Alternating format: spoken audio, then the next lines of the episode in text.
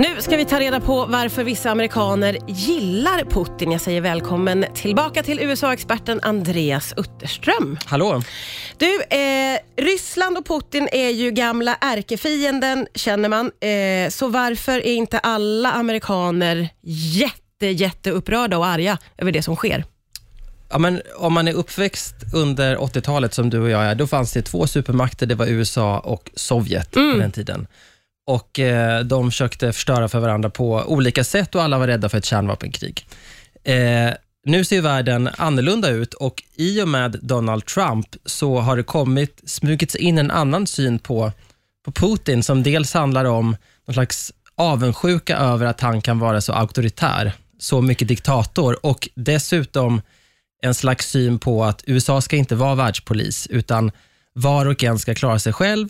Och Tycker man så, då behöver man inte bry sig så mycket om Ukraina. Därför att det är ju en del av eh, Donald Trumps Make America Great Again. Ja, ja, ja, precis. Och vad har Donald Trump eh, haft för inställning till Putin genom åren?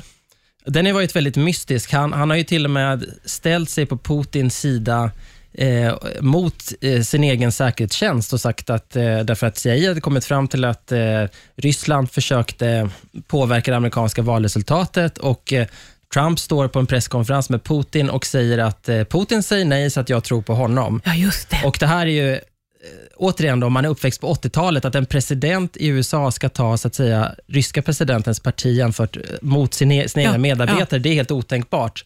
Jag minns den, jag ja, minns den ja, men det- filmsekvensen och hur journalister ser ut, deras ansikten häpnar ju. Ja, så, så där händer det ju verkligen någonting. Och eh, Sen så finns det mycket liksom, teorier om att eh, KGB har någon slags eh, vet hemligheter om Donald Trump och att han ska vara utsatt för utpressning och sånt där. Det finns ingenting som tyder på det. Jag tror att Donald Trump gillar eh, starka män som kan göra som de vill i sina länder och vill möjligen bygga hotell och golfbanor där. Jag tror Ja. inte det är mer komplicerat än så. Nej. Men när, man, när en president ställer sig upp och säger beundrande saker om Eh, Vladimir Putin, då blir det ju mer okej för andra i Trumps parti att säga samma sak. Och idag är de dessutom väldigt måna om att hålla sig vän med Donald Trump. Och då låter det annorlunda från republikanskt håll än vad det hade gjort när vi var barn på 80-talet. Så det finns fler i det republikanska eh, partiet då som faktiskt ställer sig bakom Trump i det här fallet?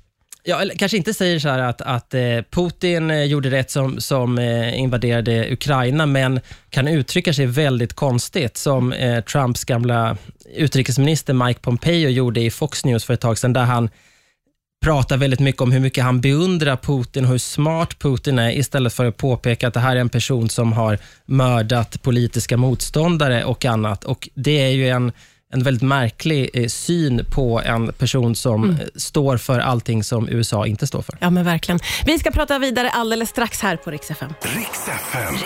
Det är USA-experten Andreas Utterström som gästar. Vi pratar om varför vissa amerikaner ställer sig bakom Putin. Och vi har ju då kommit in på att prata om, om Donald Trump eh, naturligtvis, som har fått med sig partikamrater. Eh, och hur påverkar det här vanligt folk, skulle du säga? Jag skulle tro att vanligt folk inte bryr sig särskilt mycket. Eh, och att utrikespolitik överlag inte spelar så stor roll om det inte är så att USA har skickat dit egna soldater. Ja. Och Det finns det ju vissa som tycker att USA borde göra nu. Men det kan jag inte tänka mig att det skulle hända om, och det har ju Biden också sagt, man kan stöd, man, det är ju sanktioner och man kan liksom göra livet surt för Putins rika vänner och man kan hjälpa Ukraina med vapen och allt möjligt annat. Men att USA skulle skicka dit soldater som man gjorde i Afghanistan eller Irak, alltså jag tror inte att det finns på kartan om det inte skulle uppstå en situation där det blir ett liksom det blir så fruktansvärt obehagliga saker där som händer och det går ut sådana tv-bilder och det kommer sådana skräckhistorier så att man har absolut inget val. Nej. Då kanske man gör det, men fram till dess, och dit är det långt, så kommer det inte hända därför att det här är en eh, krigstrött nation Ja. eh, som precis drog tillbaka sina sista soldater från Afghanistan. Det finns ingen vilja att skicka soldater någon annanstans i världen. Nej, nej. nej. Och apropå din fråga om vad, vad säger den vanliga amerikanen? Tycker de flesta eh, naturligtvis att det här är fel, men tycker inte att USA har råd och tid och, och ägna sig för mycket åt det här, Nej. därför att man har så stora problem på hemmaplan och det är de som Joe Biden ska ägna sig åt istället. Amerikaner är ju inte jättekända för att liksom bry sig mycket om eh, politik, eller eh, omvärlden överhuvudtaget. Eh, hur ser de på det här kriget generellt? Kan man säga någonting om det? Men det, är så, det är så annorlunda nu. nu alltså, så, återigen, då, nu låter det som att du och jag är 200 år här, men när vi växte upp på 80-talet, då var det USA mot Sovjet. Ja. Punkt slut. Nu, nu är världen så annorlunda. Det, vi har liksom kinesen, Indien är en stor marknad. Ryssland har på något sätt levt lite i dvala. Jag Ja. kommer ihåg när, när det var kampanj mellan Obama och Romney 2012 och Romney sa att att eh, Ryssland var det största utrikespolitiska hotet, blev hånad av Obama som sa att typ, 80-talet ringde och vill ha sina one-liners tillbaka. Så visade sig att Romney hade rätt. Ja. Så jag tror att vanliga amerikaner har liksom inte tänkt så mycket på vad som kan hända där borta och det är också avlägset. Det, det är svårt att förstå sig på Ryssland, tycker jag också.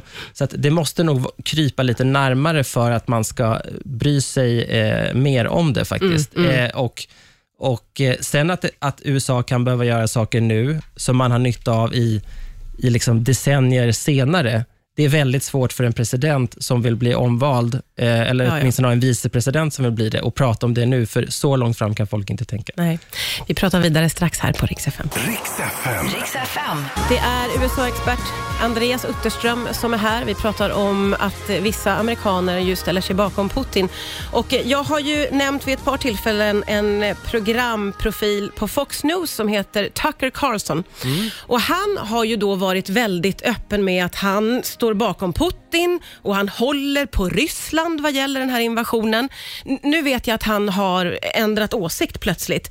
Eh, Men, men vad, vad säger sånt här tycker du?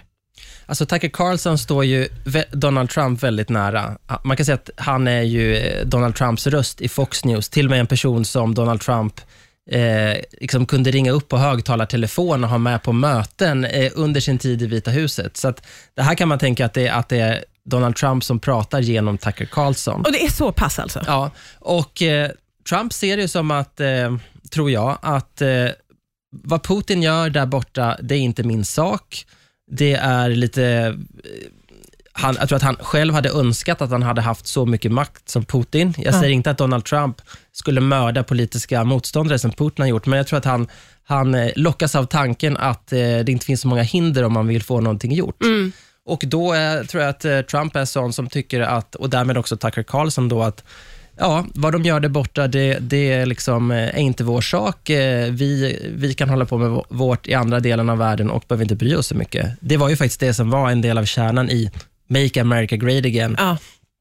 Ursäkta, att USA inte ska leka världspolis, utan ska, man ska ägna sig åt att ta hand om sin egen befolkning Ja. och inte lägga sig i andra. Men hur kommer det sig att han har ändrat sig nu då? För nu har han ju gjort någon slags pudel vad jag förstår.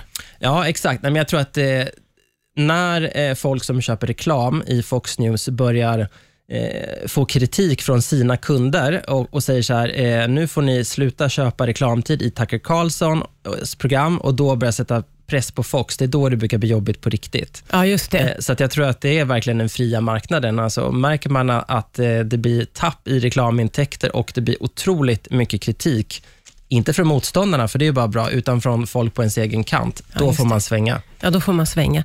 Eh, och hur mycket påverkas, eh, tillbaka till vanligt folk, av Fox News? Hur stora är de ute bland tittarna?